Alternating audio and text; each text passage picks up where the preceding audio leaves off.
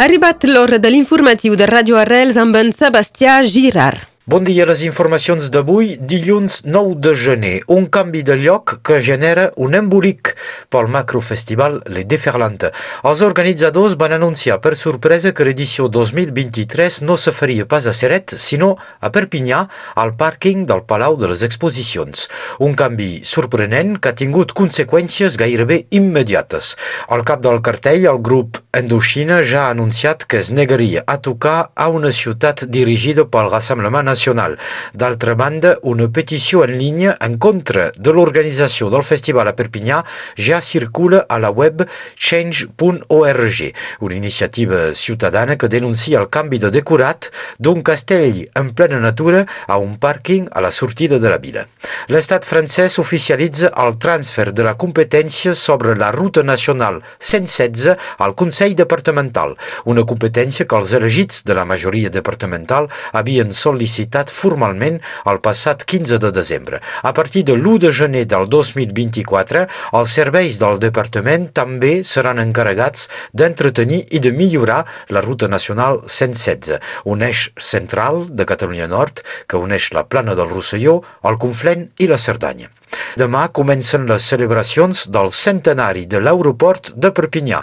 Diversos actes seran organitzats en guany per festejar l'aniversari de la pista de la Llavanera. Demà s'inaugura oficialment la nova caserna dels bombers, el nou logo de l'aeroport Perpinyà Ribes Altes i també la reorganització dels espais d'aparcament. A Catalunya Sud, l'organització de la pròxima cimera franco-espanyola a Barcelona ha revifat l'independentisme. L'ANC, Òmnium i el Consell de la República Catalana han convocat una manifestació conjunta per protestar contra la cimera que Pedro Sánchez i Emmanuel Macron celebraran a Barcelona el pròxim 19 de gener. Les entitats independentistes consideren que aquesta trobada és una provocació dels presidents espanyol i francès. El govern espanyol ha referit diverses vegades que venia a Barcelona també per certificar la fi del procés.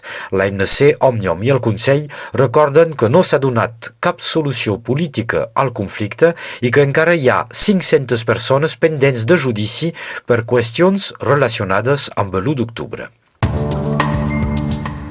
Una vetllada rock and roll avui al Festival 10 sobre 10 que deixa carta blanca a Didier Rico, fundador de l'antiga botiga de vinils Lolita a Perpinyà. Expo i dedicatòria del dibuixant de còmic Thierry Guitar i a l'escenari un enfilall de DJs i dos concerts amb The Ends i Joc a Foc. Tot això a la Casa Musical de Perpinyà, entrada 5 euros. Moltes gràcies, Sebastià. I ho completem amb dues notícies d'esports, una de freda molt freda i una de calenta molt calenta. En rugby a 15, l'USAP va perdre Clermont 31 a 20 i d'aquesta manera és encara més cué del top 14, convidat amb la victòria de Brive aquest cap de setmana. I uh, l'altra, la bona notícia, és en futbol a la Lliga Espanyola. El Barça va anar a guanyar al camp de l'Atlètic de Madrid pel resultat de 0 a 1 amb un gol d'Usman Ousmane Dembélé i els blaugranes es troben ara més líders perquè el Real Madrid ell va perdre contra el Villarreal.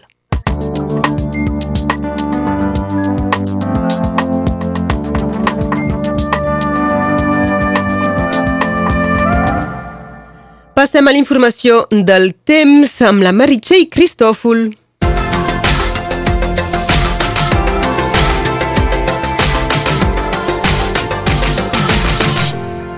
Dia. El vent continua bufant. Aquesta tarda se preveu ràfegues màximes de 55 km per hora a la plana del Rosselló. Se cal esperar a pluges esparses sobre una gran part del país i en particular del costat del Conflent i del Vallespí, on el cel és ben tapat per núvols grisos, forta humitat, doncs, però això no canvia les temperatures que queden estables, 15 graus a Perpinyà, 14 a Canet, 13 a Argelers i a Òpol, 9 als Banys i als Masos, 4 a Bedrinyans i 2 graus a la Cabanassa.